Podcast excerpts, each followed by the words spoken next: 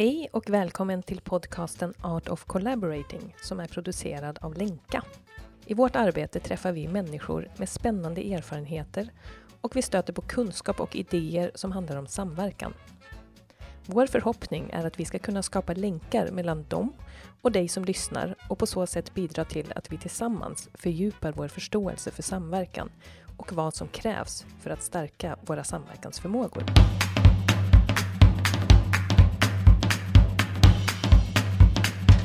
Jag heter Caroline Bottheim och driver tillsammans med Anna Singmark företaget Lenka.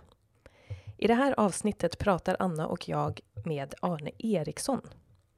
Arne har varit en stor inspirationskälla för oss, både genom texter han har skrivit om samverkan, men också genom att synliggöra flera internationella kunskapsmiljöer inom temat samverkan. Arne säger mycket intressanta saker i det här avsnittet och eftersom ljudet ibland kan vara lite svajigt tipsar vi lite extra om att skruva upp volymen när just Arne pratar.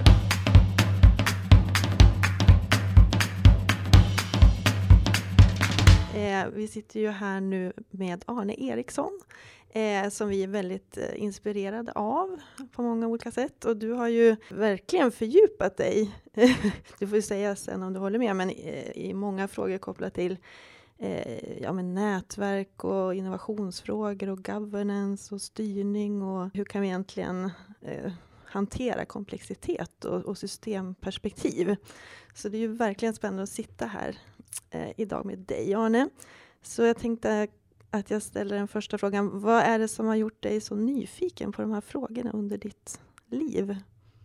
Jag tror att insikten som jag fick ganska tidigt, det var just det här att det är väldigt få viktiga saker som är problem som någon kan äga själv.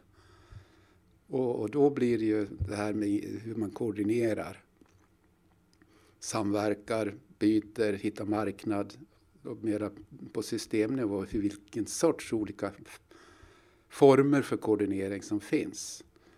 Och då kommer det här med nätverk, marknad, byråkrati och sådana saker. Så det är den där, både på eh, basplanet, hur det går till och, och mera system, systemmässigt och vad skapar förutsättningar för det ena och det andra. Jag tänkte det kan också vara intressant för lyssnarna kanske att höra eh, i vilken samhällsvärld du har varit liksom Eh, involverad i ditt liv. Du har ju jobbat både internationellt och nationellt och på olika nivåer. Och bara höra lite grann om din bakgrund. Jag började en gång i världen på Länsstyrelsen i Falun som länsplanerare. Akademiskt så har jag mest läst nationalekonomi. Sen har jag gjort, eh, ja, jobbat i statliga utredningsväsendet under väldigt lång tid. Och från den basen blev det sen kanslihuset. Där jag var någon slags strateg på näringsdepartementet, industridepartementet. Och sen har jag varit i Paris på OCD som svenskt industriråd ett par år. Och sen var jag på STAT, Sveriges tekniska attachéer en period. Och försökte just jobba med de internationella frågorna och ta hem kunskap utifrån. För det är den idén om kunskapsimport har varit ganska viktig för det jag har hållit på med. Det internationella perspektivet eftersom vi är lite insulära. Innan vi började spela in samtalet, då pratade vi ju om eh, att vi är tre som sitter i det här samtalet. och eh, jag tänker lite bara sådär varf, varför vi sitter här, vi tre också. Eh, det är ju för att vi är väl, lite nördar allihopa på samverkan. Ehm, och, eh, och du har ju jobbat liksom hela ditt liv med det, känns det som. Typ. Du nickar. Ja, lite i alla fall. um, och vi har hållit på med det här nu i kanske sju år, sa vi. Så alltså, vi har liksom um, nördat in oss och på något sätt känns det som att det, det tar liksom aldrig slut med hur man kan tänka kring det. Det finns så många nivåer när man pratar om samverkan. Det är både liksom när du pratar nu om vad du har gjort och vilka organisationer du har jobbat för och så. Det är så det, samverkan är så viktig på den nivån. Och sen kommer det liksom så mycket ner till det som händer mellan oss människor. Liksom. Um, och det, det, vi har ju alltid fascinerats väldigt mycket av dina texter för att du, vi tycker att du hittar så mycket bra ord för saker och ting. Um, och var, nu sa du något spännande precis. Um, vad var det, koordinering eller ja, det, det är lite sådana där eh, olika begrepp som vi har fastnat lite för. Och eh, om jag bara tar ett sånt som jag kommer på nu eh, så är det sensemaking. Har du skrivit om. Kan inte du bara prata lite om vad du tänker kring det? Det som introducerade sensemaking var en, en amerikan, Wake, som skrev en bok om sensemaking någon gång i mitten på 90-talet tror jag det var.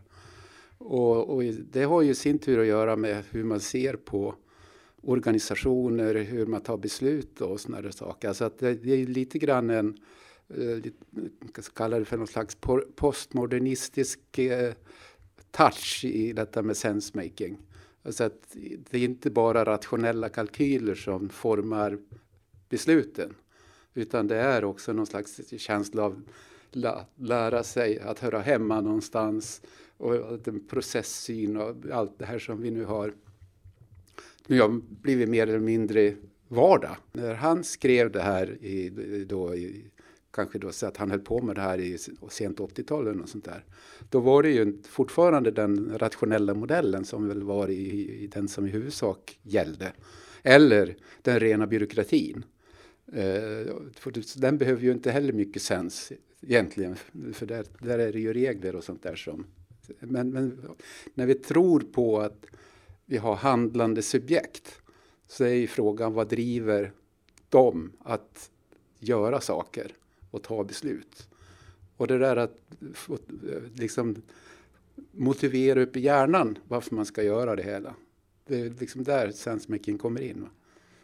Och sen följer ju det vidare då i den storytelling alltså först sensemaking som idé och sen storytelling som det narrativa som formen för det, som ju kom senare då. Nu vet jag inte riktigt vad vi är i det här.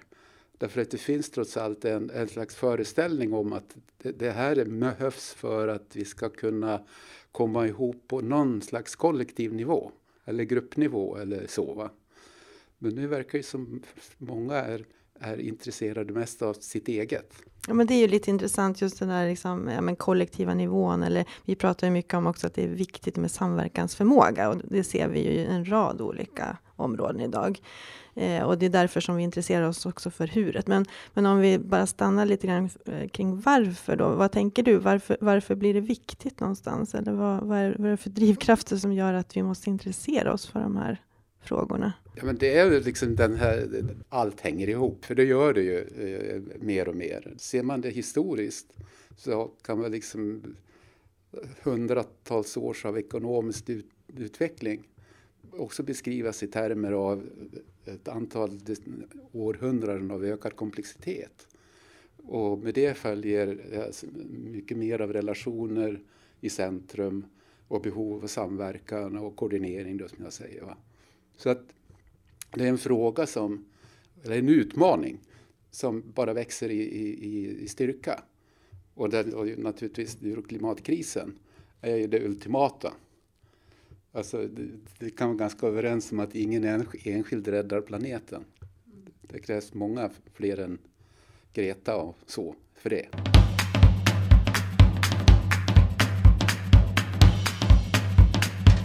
Precis. Eh, den frågan är ju jättespännande då och ut, utifrån ditt perspektiv och dina de tankemodeller du på något sätt har introducerat, tänker jag. Du, du pratar ju både på en ganska hög, eller skriver om eh, samhälls, alltså strukturerna på en hög nivå och du pratar om regim och sådär. Och då lite det här som vi pratar om nu med sensemaking på den mellanmänskliga nivån och allt det som händer emellan. Så om du, du tänker utifrån det du har skrivit om så mycket då och nördat in dig på. Hur skulle du tänka, vad, vad, är det som krävs nu då när vi står inför den här komplexa utmaningen? Är det liksom möjligt för oss att ta oss an det? För du var lite inne på det förut och du sa så här, men jag vet inte exakt var vi står just nu. Men vad skulle du säga liksom utifrån de här tankemodellerna? Ja, det där är inte alldeles enkelt. För att eh, jag tycker ju, och det är jag är ju inte ensam om, det har jag läst mycket på senare tid, att det är saker som går åt fel håll nu. Alltså att eh, å ena sidan så kan vi se växande behov av eh, att, att lösa väldigt svåra problem. Och den andra sidan så blir det mer och mer förnekelse av, av möjligheten att göra någonting. Och alltså hela diskussionen nu med fake news och liksom eh, faktaresistens och, och allt sånt här. Som ju i botten handlar om ego mot eh, det allmänna. Och det ego nu verkar vara allt. Medan det, det allmänna knappt finns längre. Och där tycker jag problematiken ligger. Va? Och, och att också då samverkan numera reduceras mycket till alltså, informationsutbyte, computing, blockkedjor, kryptovalutor. Alltså det blir en föreställning om att saker kan fixas utan att det finns något sammanhang och före, efter. Det är bara här och nu, göra dealen, fixa. Och det är ju lite intressant för jag vet att eh, när vi hade en, eh, en fördjupningsutbildning tillsammans med dig kopplat till att leda samverkan så pratade du om olika liksom, om det var transaktionsstilar, du pratade om konsumtionsperspektivet och investeringsperspektivet på, på, en relation blir det väl egentligen, eller på en samverkan. Vill du berätta lite om det? För det är lite spännande, det är liksom olika sätt att se på utbytet. Jo, men det där är, det där är ganska fascinerande. Det är ganska länge sedan nu som eh, Eh, det var några eh, tjejer i USA, forskare, som liksom tog sig före och ställde den eh, knepiga frågan. Här finns ju exempel internationellt på situationer där man faktiskt har gjort saker trots att förutsättningarna rimligen är sådana att de borde ta livet av varandra snarare än att arbeta tillsammans. Och då identifierar de ett antal sådana situationer och ställde frågan varför samverkar ni och när fungerar det bra och så. Det de då kom fram till det var just det att omöjliga samarbeten de förutsätter ett antal saker och det är dels approachen till samverkan, nämligen då att man just tar det här investeringsperspektivet, vilket i sin tur naturligtvis då måste bottna i att man tror att man har en framtid på något vis tillsammans. Och, och att det också blir att man bygger relationer och lär av varandra. Och det, det var, det var kanske de viktigaste punkterna. Och det, det inte gick så bra, det var just att man såg allt bara transaktionellt. Alltså att uh, what's in it for me? Och uh, finns det inget i det för mig, då avstår jag. Det blir alltså väldigt kortsiktigt. Det, då är vi så Donald Trump. Va? Det är dealen hela tiden som ska till. Och där stod den skillnaden, alltså att se att konsumera, ha ett konsumtionsperspektiv på ett samverkan visar vi har ett investerings och uthållighetsperspektiv på det. Och jag tror att Ska samverkan handla om svåra saker så måste det vara det senare. Det andra kan man nästan säga att alltså, marknaden fixar samverkan fast vi pratar inte om det som samverkan då. Utan då är det bara att vi, vi, vi får ett kontrakt eller ja, så. Va? Men i grunden så är det ju samma grej. att Det, det, det är bara det att eh, en produkt eller tjänst är så väl definierad i ett antal dimensioner att vi behöver inte liksom reda ut saker omkring det. Utan det är bara att konsumera den. Va? Men man måste kunna reda ut saker. Det är det som är förutsättningen för samtal och alla saker. Va? Och det är jättespännande det här med att reda ut och om man då har ett investeringsperspektiv på samverkan och du har ju introducerat den här samverkanstrappan en gång i tiden och på något sätt beskrivit den här liksom koordineringsprocessen som som gör att vi tar oss framåt egentligen till någon form av samhandling har ju du också introducerat. Och då är det jättespännande. Vad är dina tankar idag? Liksom, vad, det är också en stor fråga, men vad krävs för att vi ska få till den här handlingen då kopplat till ganska komplexa frågor? Eller vad, vad har du sett är så här riktigt viktiga saker för att få till handling? Man kan säga att vad, vad som absolut krävs tror jag, det, det är att man inte har rivit alla möjligheter att hitta någon slags middle ground. Igen då det här med förutsättningarna. Att, eh, när det, polariseringen drivs för långt, då är, är, det väldigt svårt att göra saker tillsammans eller hitta lösningar på svåra problem. Så det, det är liksom den första och allra, mest avgörande utgångspunkten för att överhuvudtaget komma vidare tror jag, det är att man som en aktör ser att jag faktiskt är beroende av andra. Alltså att vi har någonting i ömsesidigt eh, beroende av varann. Att, att eh, annars så, så är det inte någon förutsättning alls. Dessutom i nästa steg, för att jag ska göra någonting med andra, så måste det vara någonting som är tillräckligt viktigt för mig. Eftersom jag måste liksom kanske avstå någonting för att vinna någonting. Och det, denna, denna trade, det, den är bara intressant när det är väldigt viktiga grejer. Så det är liksom steg två.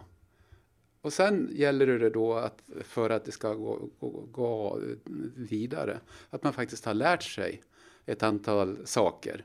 Och att det finns, det ni säger samverkansförmåga, eller som jag då har plockat upp av den här eh, killen i, i, i Cardiff, interaktionell expertis. Alltså eh, interactional expertis, det är liksom själva grejen för att man ska kunna eh, vara på olika sidor i en, i en debatt. Vi pratade tidigare här om att samverkan får man ju oftast också en bild av två. Men det, poängen är ju att många gånger för att det ska bli någonting som behövs den tredje. Alltså gränsgångaren har jag pratat om. Man pratar om den här tertiusdjungeln, den som alltså förenar, eller tertius gauden som, bör, som pratar om som ska liksom bevara de strukturella hålen som finns. Som, alltså, det är ju ticket då att i nätverk så kan det finnas förbindelser mellan olika nätverk som bara upprätthålls av en enda person. Och den personen blir ju central. Och, och för sig själv också om man vill det. Det är ju den liraren som kan ta hem alla ränt, räntevinsterna, höll jag på att säga. Uh, och det är då så, så kan man göra, men då, då, och då bevarar man ju, då vill man ju ha dem där åtskilda. För det är den egna maktpositionen, bygger ju på det. Va?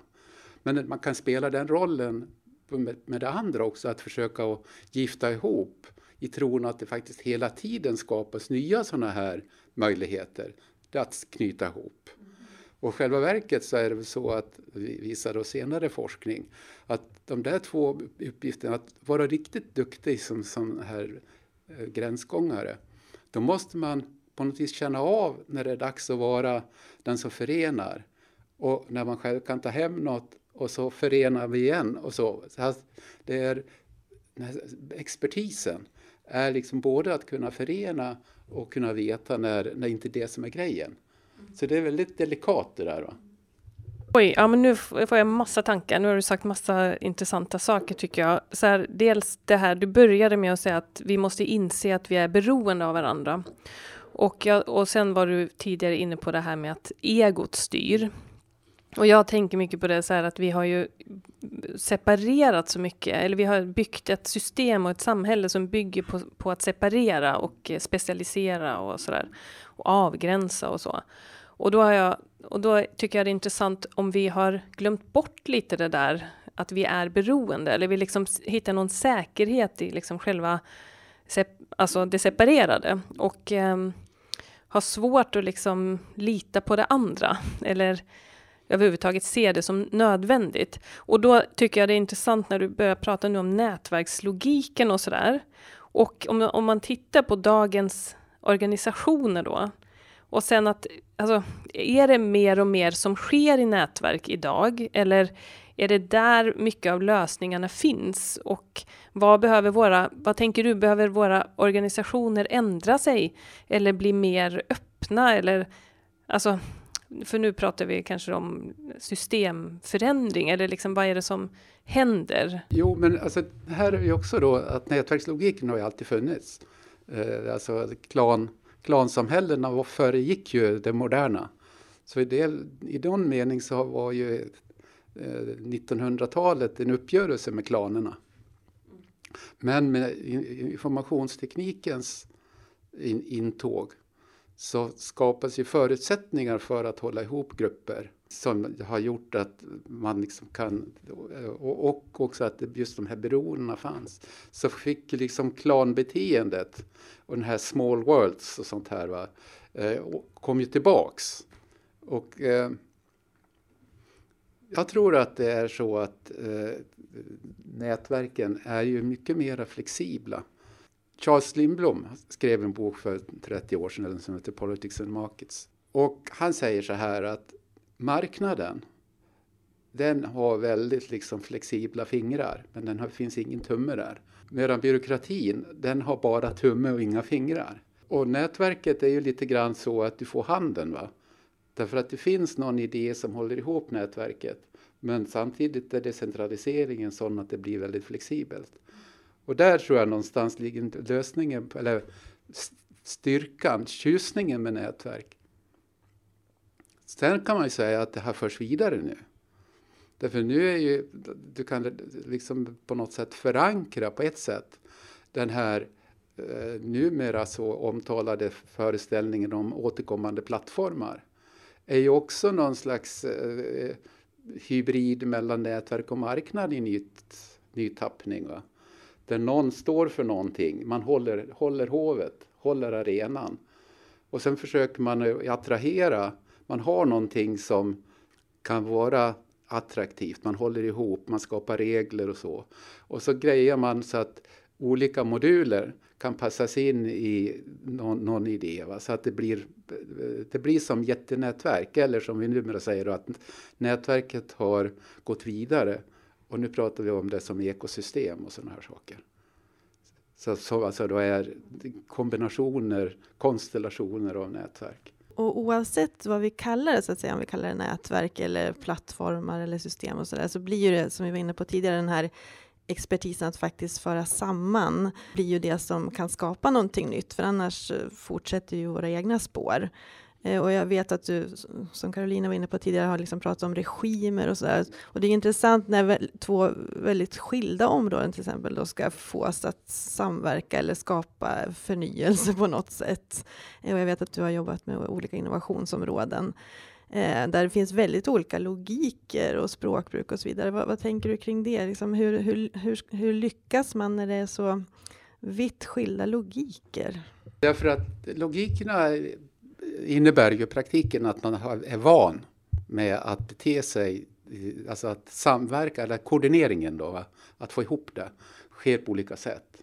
Och att det, det är olika, alltså makten, ryktena, anseendet liksom är förankrat på lite olika sätt också då. I, om du, beroende på om du kommer från en byråkrati, eller företag eller en forskare eller en stark entreprenör eller sådär.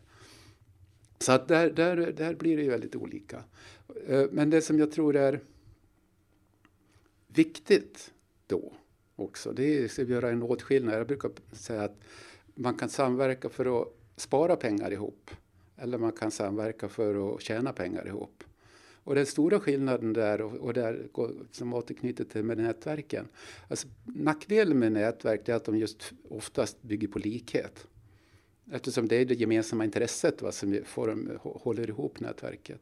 Medan ju innovation och förändring bygger på att man kombinerar olikheter i, på nya sätt. Och det betyder också att om vi nu ska gå tillbaka till det här med facilitering och så som ett sätt att försöka få ihop nätverk. Facilitering handlar ofta om att försöka få ihop grupper som är lika. Och facil för facilitatorn vill inte vara orkestratör. Hela poängen med den amerikanska traditionen av facilitering är oftast att det ska bara vara flugan på väggen som på något magiskt sätt liksom får ihop det. Va? Men jag tror då att ju, ju mera man pratar om eh, att man ska eh, göra förändring så betyder det i praktiken att man måste få eh, olikheter att kunna förenas. Och för att kunna göra det så måste det finnas någon aktör som har förmågan att gestalta någonting och som har makten att kunna i någon mening någonstans nästan tvinga ihop. Och det gör att alltså, den här integratorn då, eller vad vi kallar det för, kan behövas. Någon som faktiskt tänker den stora tanken som kan ju få ett antal egon att köpa en, en större tanke. Och det, det är liksom problemet med, med nätverk i den enklaste formen, att det blir aldrig någon stor tanke. Alla går in med det med sin lilla tanke och så blir det ingenting av med det.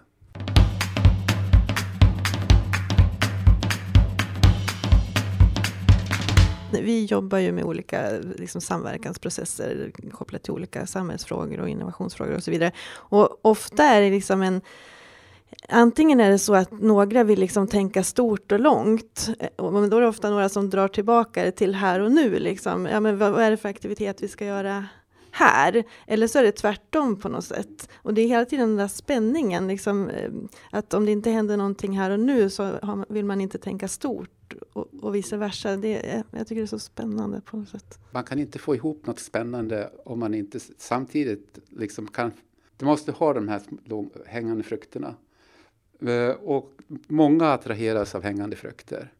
Men de som kanske är intressanta på många sätt, det är de som inte riktigt nöjer sig med de hängande frukterna, lågt hängande frukterna. Men som liksom just lockas av att göra någonting större. Och att för att det ska bli dynamik i någonting så måste man från början ha en tillräckligt stor tanke för att några med stora tankar köper att okej, okay, vi, vi, kan börja med det där. Men det finns något bortom det vi börjar med. Det, risken är ju att man aldrig kommer bort, att det bara blir lågt hängande frukter. Och det, där tycker jag många i, i, den svenska debatten, när vi börjar med kluster och sånt där, så eh, det var lä väldigt lätt att sälja de lågt hängande frukterna, men liksom trädet då? Alltså det, det, det, det växte ju aldrig va?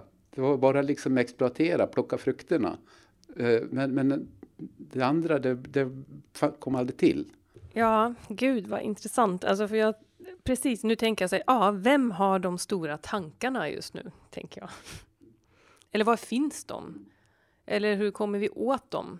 För det känns, nu när du pratar om det, jag bara känner igen att jag har tänkt så ibland också. Att varför är det så svårt att liksom ta en annan, ta in en annan nivå i det vi håller på med på något sätt? Det är så, ja, det, det, det är ju en frustration jag kan uppleva ibland också när vi är ute i de där processerna. Vi, vi är ju involverade i massa olika utvecklingsprocesser som egentligen, där det finns från början någon form av idé om att det skulle kunna finnas en större tanke. Ja, det, det hamnar så lätt i det där eh, vad ska man säga, begränsade på något sätt. Och nu tänker jag på den här kursen vi hade här med Sam Kainer och Nelly Noakes från San Francisco som vi också var inne på lite tidigare innan vi började spela in, som pratar om eh, grown zone, eller det vi kallar för gnuggzonen, som är så svår ibland att stå ut med. Precis, det måste finnas en stor tanke och sen ska man liksom våga vara i spänningen i det där, eller det som uppstår när, vi, när våra olikheter faktiskt blir synliga. Att liksom våga det finns ju en bok som vi har läst nu som heter Don't just do something, stand there. Och det är lite det där att liksom våga vara i någonting som kan bli något, fast man vet inte exakt. Alltså man ser inte resultaten exakt. Och då, ja, då tänker jag också så här, vad har hänt med den förmågan att kunna vara i sådana samtal som, som är svåra eller som är liksom och, och ha någon form av förnimmelse för att det kan uppstå någonting här. Men vi måste ha tålamod liksom att det ska få ske på något sätt. Ja, ja det, är bara, det var bara mina tankar jag fick nu. Många säger att jag, om man, någon ska uttala sig om någonting så måste den som uttalar sig precis vara godkänd, representera någonting, representativ. Medan liksom poängen med det här med att få in alltså, väldigt konstiga perspektiv, det är ju att folk måste liksom tillåtas prata om sånt som de kanske egentligen inte är superexperter på. Men det finns alltid ett frö till något som kan föras vidare. Alltså om man på något vis skalar bort eh, och, och, och, gör tabu för allt för mycket, då blir det väldigt sterilt. Va? Då blir det liksom inte något eh, väldigt kul samtal om man söker den stora tanken. Så att jag tror att det här går tillbaka till det jag sa nyss om det här med orkestratör. Det måste liksom, de, de som försöker driva sådana här processer måste ha förmågan att se bortom det självklara. Och att liksom se att okej, okay, här kan det finnas något. Och det är det som det här med Google eh, Camps och, och, det här som eh, Spotify håller på med. Att bjuda in eh, massa konstnärer och, och, allt vad det är som liksom ett eh, kvalificerade trendnissar kan vi säga. Alltså känner saker väldigt tidigt. Eh, och, och få, få med sådana i, i, i diskussioner som inte liksom är utgår från ett väldefinierat problem. Utan det är liksom hela problem finding är, är, är grejen. Va? Vi måste ju försöka lista ut vad fan som är problemen. Inte direkt gå på verkstad och lösningar. Där sitter vårt svenska problem. Därför vi är så satans eh, inriktade på att bara gå rätt på problemet. Vi måste tillåta en förhandling om vilka som är problemen. Om vi ska ha en förmåga att göra det här större.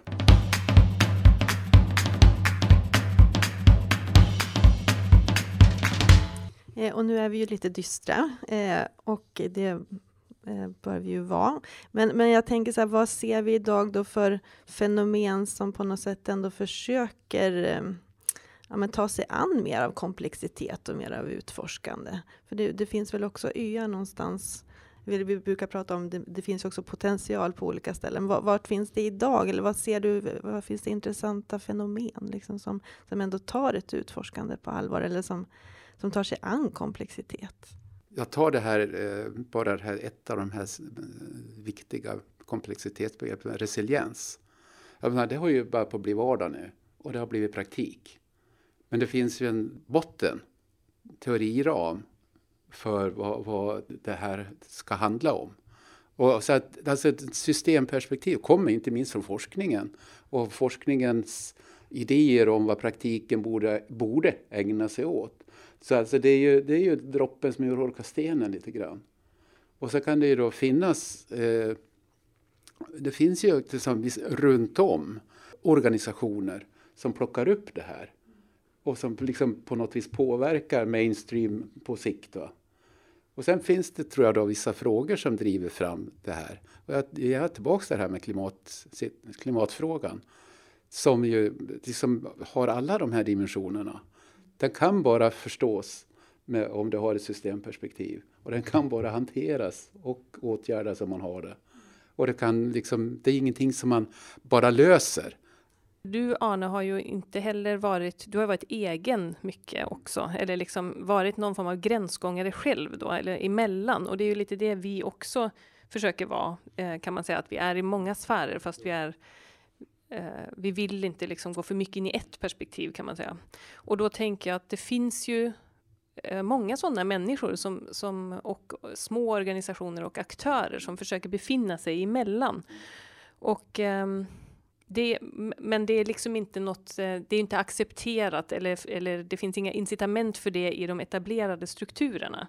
Så man får ju vara lite frihetsälskare och liksom gillar det där att inte behöva få eh, ja, godkännande från en viss organisation eller sådär. Och sen tänker jag på den här mötesplatsen som vi samarbetar med, som heter NAV, som är en mötesplats som egentligen bara har som bara vill koppla ihop egentligen och bara vill vara en arena för väldigt olika aktörer som vill ja, prata om en fråga eller och där egentligen de, de aktuella samhällsutmaningarna står i centrum. Det är de vi pratar om på olika sätt. Och det tänker jag jag tänker ju då, om jag, om jag då tänker det här att få träna igen eller stärka vår förmåga att kunna vara i de här samtalen som inte ger effekt direkt, så är ju det ett sätt att faktiskt, ja, som gynnar de här samtalen. Och det vi ser på NAV är att det finns en väldig en, en, en stark attraktionskraft i det. Att väldigt många människor längtar efter just det.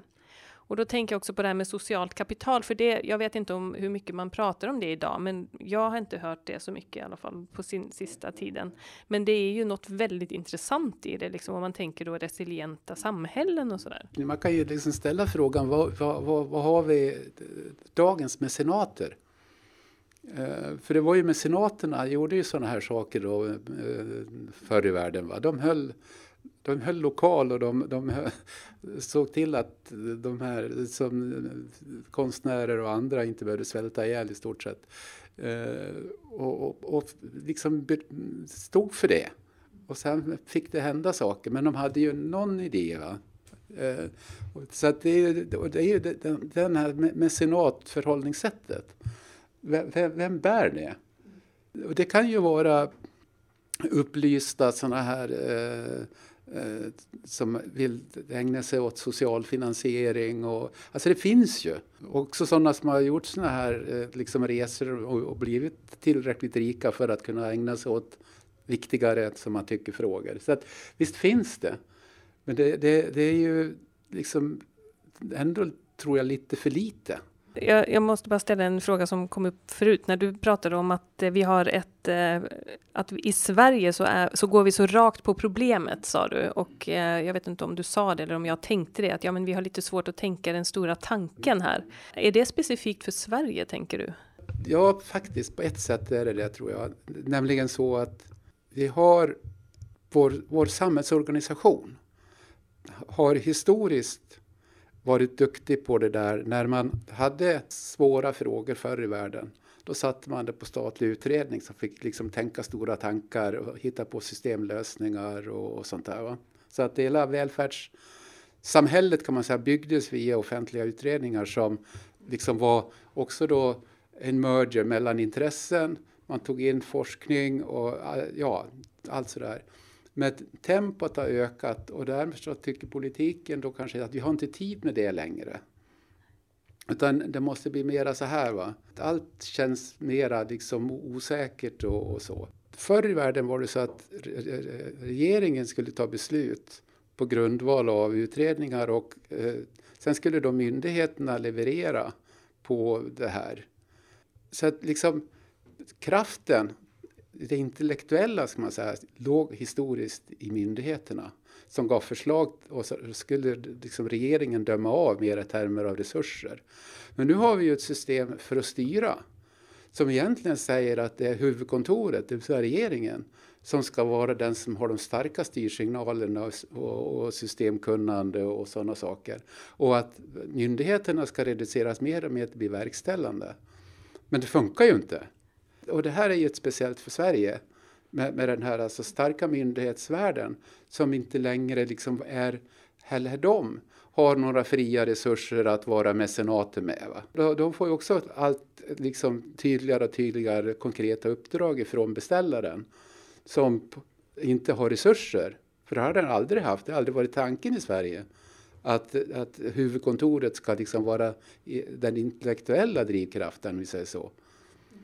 Därför så blir det här alltså ett svenskt problem, att vi ska lösa fragmenterade problem. Vi, vi, vi förutsätter att allt är uppdelat. Det är först när det har blivit delat som vi kan hantera det på något sätt. Men jag tänker också på det här med utredningsväsendet och är det liksom svaret att gå tillbaka till något sånt? För jag tänker också på det här med sensemaking. Ofta har ju man på något sätt förlita sig på det skrivna ordet och skriver vi bara tillräckligt stora eh, rapporter som, eh, så kommer alla sen att liksom skapa mening kring dem och börja agera i en annan riktning. Så jag har också funderat mycket på liksom formen för de här utredningarna. Skapar det tillräckligt mycket liksom gemensam då sensemaking för att man sen ska genomföra en förändring? Så det där är också spännande. Hur genomförs den här hur genomför man det här explorativa tillsammans? Det är lite intressant i det här sammanhanget att eh, Vinnova har ju nu en designdirektör. Eh, bara det, säger jag. Sen har det ju gjort lite försök att, alltså man kan kalla det kommission, alltså man har ju försökt att hitta för centrala frågor. Uh, igen då klimatområdet, ska jag säga, det, som har, där man experimenterar lite grann då med uh, att man ger Eh, Eh, kommissioner eller någon slags mellanting, hybrid, där många myndigheter är inblandade och, och, och sådär. Alltså att det finns på prov, mer eller mindre. De, de finns ju inte riktigt med i, i det schemat. Va? Men det, det finns lite grann där, där eh, vi har gjort organisatoriska innovationer. Eh, som där blir både designuppdragen vi så säga ligger där, att förstå frågan precisera utmaningarna, koppla tillbaks till eh, regeringen med förslag som inte bara då träffar ett departement utan som liksom är mera sammansatta svar. Så det, det, det, pågår ju lite grann. Men det, det, är ju i huvudsak ska jag säga, kopplat till klimatfrågan. Men du kunna ta, alltså sociala problem är ju, är ju parallella. Men där är ju liksom strukturerna, det är polis, dum, dum, dum, så. Ja, för jag tänker, ibland kan ju, kan ju intentionen vara att skapa ett explorativt eh, utrymme kopplat till en samhällsfråga. Vi har liksom stora samverkansprogram och så vidare. Och, och det finns ju jättemycket liksom bra ambitioner. Men ibland kan ju också formen Eh, för det vara ganska traditionell. Där man fortfarande egentligen sitter och pratar för sin fråga. Eh, alla aktörer kommer in och liksom för egentligen kanske en monolog kopplat till sin fråga utifrån sitt perspektiv. Så det är också spännande. Hur kan vi i de ambitioner som finns utveckla formen för att faktiskt genomföra det här mer explorativa. Det tycker jag är superspännande för det skulle liksom inte krävas så himla mycket att faktiskt förändra formen. Nej, och då tänker jag också så här att vi, jag, går jag tycker verkligen det är intressant när du pratar om intellektet också, var man liksom, var ska det intellektuella finnas i det här systemet? Och nu känns det som att nu finns det inte det, något, någonstans riktigt utrymme för det heller. Och samtidigt så ska vi vi vill ju ha, apropå ambitioner och intentioner, vi vill ju vara kreativa, vi vill ju skapa, hitta lösningarna på de där stora problemen, men, men vi liksom låter det då sippra ner i det här uppdelade systemet och så ska, då ska någon där nere kanske hitta på det där eh, med massa innovationer. Men vi har liksom inte, apropå det här att vi har inte tänkt igenom vad är egentligen problemet? Just idag. Och det kanske inte ligger där, alltså, eller vi löser inte på det sättet. För problemet kanske handlar om att vi har, vi har inte förutsättningar för att tänka riktigt längre. Alltså vi har inte, vi ger oss inte tiden, utrymmet, eh, vi prioriterar inte den fria tanken längre på det sättet. Vi har inga utrymmen för det i våra system. Och det är ju lite intressant, alltså, för då kan vi hålla på hur mycket vi vill när vi, alltså, och kämpa på och kämpa på. Det finns ju en, en diskussion här, tycker jag mig se. Eh, man pratar ju mer och mer om att eh, alltså blir, man blir issues driven. Alltså man pratar om issues driven innovation, att det, det, det, framförallt då eh, anknytning till, till det här med samhällsutmaningar och så. Alltså det med samhällsutmaningarna är ju ett sätt att liksom sätta en, en sån här odefinierad sak på bordet. Va? Aging eller vad det nu kan vara. Vad är det för någonting? Det är klart att det betyder något för alla. Men väldigt olika saker för ganska många. Då, Som, och, och, att utifrån en sån tanke som man liksom via designtänk och sånt där preciserar och får med sig ett antal stakeholders längs vägen och så. så att, och det kan komma en massa olika saker ur det. Alltså där någonstans tror jag att det är förhållningssättet. Därför att det är klart att man måste tänka på alla nivåer. Eh, eh, och det måste finnas liksom eh, just i den här dialogen, så den ska dessutom vara så att den inte är, är, är skiktad så, utan den måste ju innefatta, skära tvärs igenom, från botten till toppen egentligen. Eh, så att det, det, det, det, hierarkiska finns liksom inte riktigt med i den här eh, pussling, eh, design, hitta på vad som ska göras. Det kommer senare. Alltså, vi måste ju ha bytet, som Gunnar Hedlund sa en gång i tiden. Man måste ju skjuta björnen innan man kan liksom stycka den. Va? Och vi, vi vet inte, björn, man måste veta hur björnen ser ut. Man måste ju ha, det, det, liksom gå direkt på filén. Det går ju inte.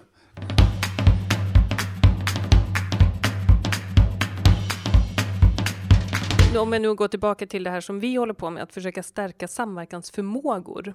Eh, för då är det ju, för på något sätt så kommer det ju då i slutändan ända ner till individen, eller liksom vad, hur eh, hanterar vi sådana här situationer och ja, eh, vad säger jag på de där mötena? Och hur, alltså vi, när vi pratar om de här dialogerna som krävs och eh, förmågan till eh, djup reflektion också som krävs och lyssnande och allt det där. Um, då tänker jag, ehm, vad, eller jag, jag funderar lite på, det, det är väldigt många som skulle skriva under på det, att det, ja, det, det behövs och det är viktigt och sådär. Men vad är det som gör att vi inte får till det då? Att vi inte klarar av den där dialogen? För, det, för lite så känns det ju just nu också. Ja, men okej, det pågår saker på alla, man försöker experimentera med det där och man vill vara lyssnande till vad som kommer underifrån, men det går liksom inte riktigt i systemet. Eh, och då tänker jag ibland så här, eh, vad behöver vi bli medvetna om i liksom de här strukturerna vi är i? Alltså för, för också det här att om vi ska bli mer lyssnande till det som kommer där underifrån då, om det är liksom issues driven och man eh, får upp saker som är intressanta och vad vet jag. Eh, hur ska vi ehm, vad ska jag säga? Ibland kan man ju säga att ja, men våra gamla strukturer måste dö, eller inte dö, men de måste ändra sig då om man säger lite bättre sagt. Men, men det är ju en förändring som krävs och en förändring i synsätt och förhållningssätt och sådär. Eh, och en förändring i trygg, vad ger mig trygghet på min arbetsplats egentligen? Och då tänker jag ibland att det kanske är viktigt att bli medveten om det också, hur de här strukturerna faktiskt hämmar oss ibland. För jag tycker, jag tycker inte vi pratar så mycket om det. Ja, men, för jag tänkte också på, på våra utbildningar. Där, där är ju en, en, medverkar ju personer som, som jobbar med så här komplexa frågeställningar och som jobbar i olika organisationer.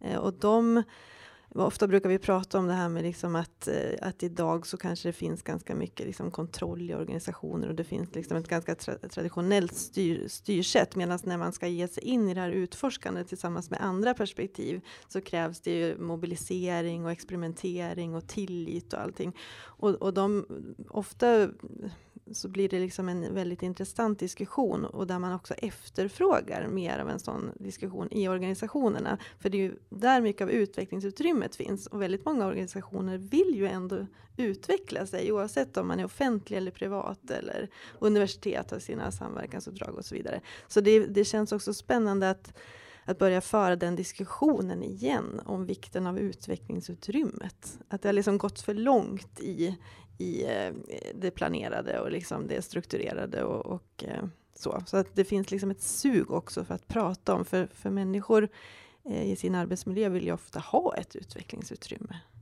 Jo, visst, och det, är väl där som liksom är poängen då att eh, man kan säga så här att eh, så metaforen kan vara träningsprogrammet eller utbildningen. Alltså det är ju det är ett sätt att försöka skapa eh, former för att driva det här som inte kan kopplas an till ärenden eller till liksom glasklart vem som ska ha ärendet. Eh, och, och då blir det väl, och ska man då på något vis kunna få den här issues-perspektivet då tror jag man måste, givet hur det ser ut, eh, hitta sätt att flytta utanför Eh, Eh, eh, vid sidan om lite grann det, det, det, här liksom tydliga systemet. För att också kunna få ihop grupperingar och konstellationer och så. Va? Så att där, där någonstans finns en idé. Och det, men det ser man ju också på eh, det, Kairos Future, de jobbar ju ganska mycket med den här issues och så försöker de att få ett, ett gäng av, av finansiärer runt. Jag kan tänka mig att ni också egentligen tänker så med era utbildningar och sånt där. Därför att de här utbildningarna Eh, skapar ju relationer på det personliga planet eh, mellan folk i olika organisationer. Som det, det, det går, och jag, menar, jag hade ju själv ett sånt där nätverk eh, ett par, tre år där vi försökte att fundera på det här med plattformar och, och innovation och sånt där med, med, med, med folk från olika organisationer. Och det är ju liksom fantastiskt när man märker hur den här Alltså att man bara pratar med, har en liksom ändå en, en, en slags agenda. Och, och pratar på, återkommande om det med tanken att man ska just bara förstå saken bättre och få mera, mera handlingsberedskap och sådär. Till slut så blir det ju liksom grejen den att man just får hem en massa vinster. Man behöver inte prata så mycket längre utan man bara säger nyckelorden så finns det en förståelse. Och det, men det är ju liksom den förprocessen som är så eh, liksom sällsynt. Ja, för det är ju spännande. Hur kan vi liksom hitta också ord och begrepp för det här emellan och liksom det här liksom utforskande och vara på plattformar och ja, men, lösa komplexitet och så vidare. Att, att bara sitta språket tillsammans är ju jättespännande. Ja, precis. Och att därigenom kanske skapa då en annan form av incitamentstruktur som faktiskt ligger utanför våra organisationer. Är det vi liksom, för det är ju där, för nu när du pratade så, så kom jag ju på, vi hade ju ett sådant exempel som blev så tydligt när vi hade eh, kursdeltagare som kom från samma region fast från olika organisationer och som, som blev att de byggde ju relation på utbildningen och sen blev det då så att de kunde gå in på varandras arenor också i, eh, i sina arbetskontexter. Liksom. Vilket vi också var med och kunde liksom se och se effekten av. Och det är ju så fint och väldigt egentligen resursintens eh, resurs, vad säger man, effektivt. Men behöver inte så mycket insats egentligen för att det ska ske. Men det är inte planerbart heller. Alltså det, det är bara det att man, man behöver lita på att det är det ger mening att samla de här och låta dem bygga relationer och sen kommer det andra ge sig. Liksom. Så att det, det, där är ju väldigt intressant. Nu får jag bara så här tanken när man då tänker systemförändring, ja men alltså, och det här med organisationer, att jag själv kan gå in i den logiken att jag tänker vi måste eh, reformera organisationerna, men det kanske räcker att ha de här platserna emellan också, mötesplatserna som faktiskt infiltrerar på ett annat sätt. Ja, för det är ju så spännande och det, det ser man ju så tydligt att det finns ju, menar, om man jobbar till exempel med innovationsfrågor så har man ju sitt nätverk och sitt språkspel i Sverige och sina institutioner och mötesplatser och konferenser och jobbar man med arbetsmarknadsfrågor eller integrationsfrågor. Eller, så det är liksom, det är ju också lite stuprör i mötesplatserna så att säga. Men det finns ju jättemycket spännande som man egentligen kan göra tillsammans. Så där ser vi också på utbildningen när man faktiskt kommer från lite olika olika politikområden eller olika branscher och så vidare. Att, att det finns en stor möjlighet i det här relationsskapande. För då börjar man ju se att ja, vi skulle kunna göra något tillsammans. Jo, men här finns ju ett, ett spelutrymme för, för den, den, den som har no, no, någon slags kassa. Nämligen detta att formulera ett antal issues. Identifiera i tidigt skede som alltså orkestratör av, av, av sådana här forum då, eller sånt där. Identifiera ett antal potentiella stakeholders, intressenter i det. Och sen liksom försöka arrangera ett sånt här, kalla det för träningsprogram eller en, en, en serie av strukturerat samtal om eh, sådana här issues. Va? Där man liksom får, får den här möjligheten. Men då kommer det tillbaks till en viktig punkt, nämligen är vem är så att säga trovärdig inbjudare till en sån övning? Är det så att man kan bli trovärdig i kraft av, alltså att kalla det för personliga, personligt anseende. Det kan ju vara i, i nätverksvärlden så är ju det liksom reputation är ju grejen på ett vis. Va? Eller också kan det vara någon, eh, att, att eh, no, någon vill låna glansen Alltså då som har pengar men inte glans. Och glansen finns och sådär va. Eh, ni förstår. Eh, men, men alltså hela, hela grejen där blir den här, vem, vem kan fixa inbjudan? Så att eh, liksom, det blir intressant. Ja, och, men det är ju det, precis som du säger, det är ju väldigt svårt för att det är så känsligt med den här med intressen eller alltså med särintressen. Så att så fort, för det tänker jag ibland, det finns ju väldigt många av våra institutioner nu som, som har egna labb till exempel, innovationslabb som de har, där de också bjuder in andra och sådär. Och nu, alltså jag vet ju inte exakt eh, hur de ser ut, jag, jag vet bara att jag har hört det på flera, det är flera också eh, konsultbyråer som har det. Liksom.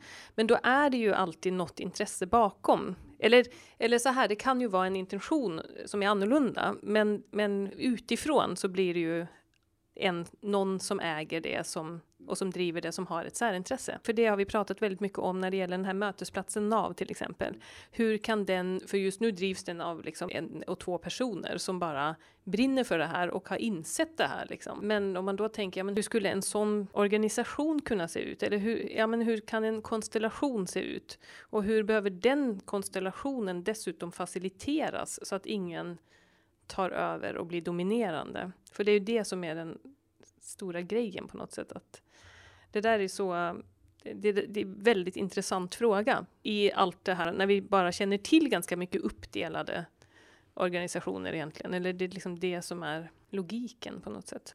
Det handlar lite grann om att utveckla en affärsmodell för någonting. Mm. Kan man säga. Eller en verksamhetsmodell för så, hantering av komplexa sociala frågor. Där det finns en skede i, i, i den hanteringsprocessen som liksom är väldigt outvecklat idag, nämligen det allra första. Man skulle ju kunna fundera på om, om eh, upplysta forskningsråd till exempel skulle kunna vara beredda att gå in och, och, finansiera någonting.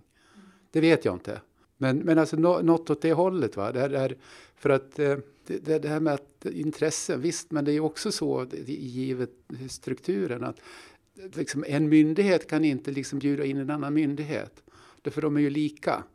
Och, och då blir det liksom hela tiden då en revirkamp på något sätt. Så, så att frågan, det är frågan och inbjudaren måste på något vis hänga ihop så att det blir jättespännande men inte hotande. Ja, och jag tänker också det du sa där att det viktiga är det, det liksom första skedet när man börjar lära känna varandra eller förstå varandra. Liksom. Eh, för det tycker jag att jag har varit med att jag har känt ofta sådär att åh, vad synd att vi kom in så sent för att nu är det liksom redan kört. Nu, nu har ni redan satt ramarna för en viss riktning på något sätt. Och, um, ja, och att jag tänker på det mer och mer ju tidigare man kan vara med liksom, uh, i det här utforskandet också uh, och hålla det på något sätt. Desto intressantare blir det liksom för vad det kan bli sen. Men det är också då att gå in i någonting och stå ut med att vi vet inte exakt vad det ska bli. Alltså vi, vi kan inte veta det innan. Och då är det det där med de där upplysta forskningsråden. Jag vet inte om de skulle gå med på något sånt. Och bara liksom, ja men det här, nu finansierar vi en sån process. Vi ser, vi ser vad det blir liksom. Om man ska vara optimist eller ha en förhoppning så är det ändå för Eh, jag vet att det pågår ju jättespännande liksom, eh, ansatser kopplat till cirkularitet och systemförändring och så vidare. Och det är olika eh, aktörer som samverkar och så vidare. Men, men man tänker ju fortfarande i typ ett treårsperspektiv. Eller, alltså man har inte liksom en tanke på hur ska det här samtalet om den här förändringen fortsätta. Så det, är liksom, det finns ju stora möjligheter bara att, att liksom tänka längre än den här insatsen. Vad är det för forum vi behöver skapa för att föra de här långsiktiga samtalen? Sen kan det ju pågå en rad insatser runt omkring som, som där människor tar sig an de här frågorna. Men det är också de här långsiktiga plattformarna oavsett jag tänker det krävs inom så många olika områden egentligen att föra de långsiktiga diskussionerna.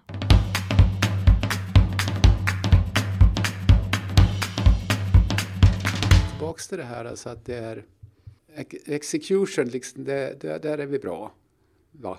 Men det här med liksom hur, hur vi formar, alltså det här pussling och, och, det, och det finns ju mått av makt i det också, så, i, i, naturligtvis i något skede. Va?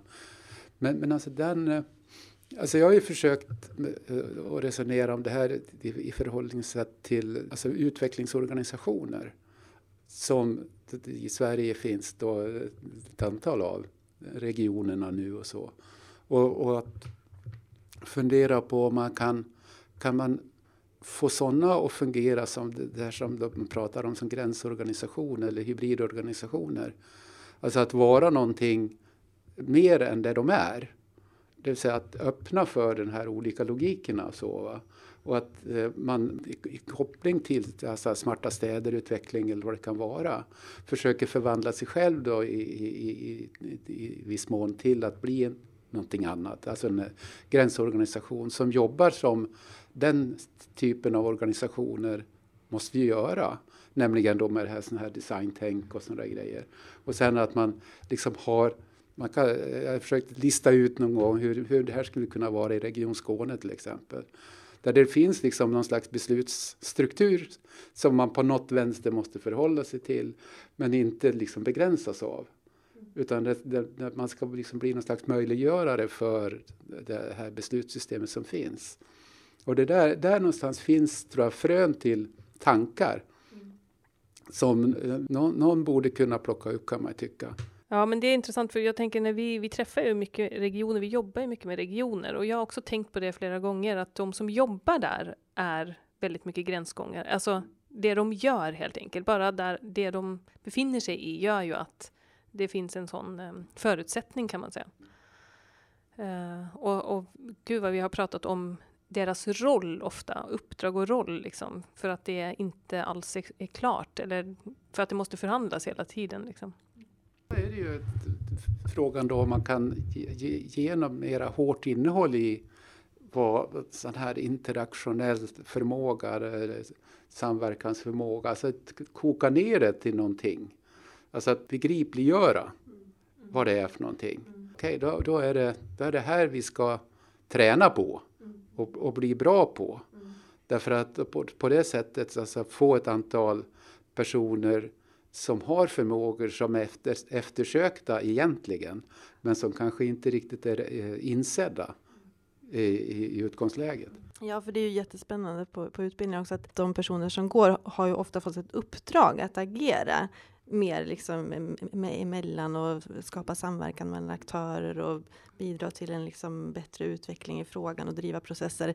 Medans eh, stöttningen eh, är ganska obefintlig och förståelse för vad det kräver. Så man tränar ju mycket på liksom, eh, traditionell projektledning och sitta på, kanske, på sin kammare och göra projektplaner och så vidare. Så det är ju också spännande Eh, hur kan man stötta den här typen av förmåga? Ja, och jag tänker så här för att vi kanske ska börja runda av. Det här blir så bra avrundning nu för att eh, för nu är vi ju inne på det som du har inspirerat oss så mycket till. För att det är ju det här med den här begreppen och prata om gränsgångare eh, och eh, eh, interaktionell expertis måste vi ju ta in. Det har vi, det har vi missat.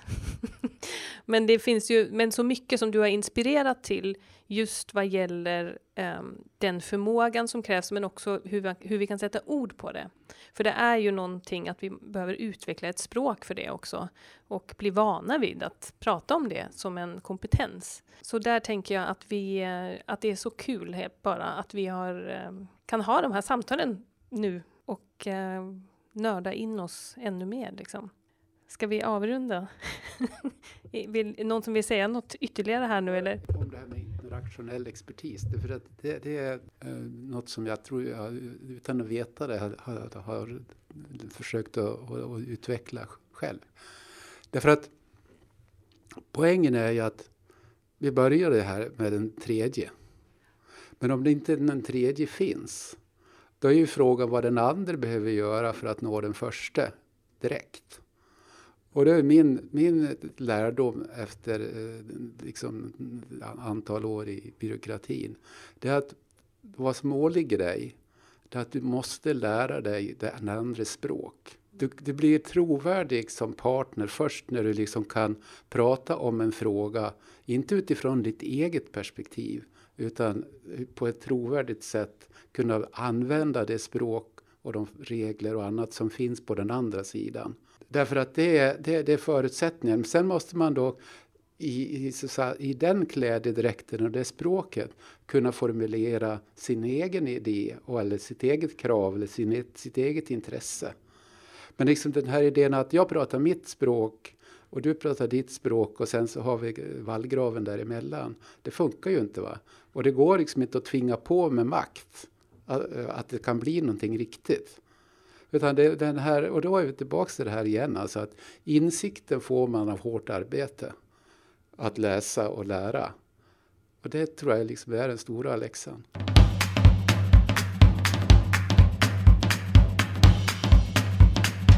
Tack för att du har lyssnat. Den här podden är producerad av Lenka och redigering görs av Emma Larsson som är skribent och dokumentärfilmare. Vi hoppas att du blev inspirerad och stärkt i ditt intresse för att fortsätta utforska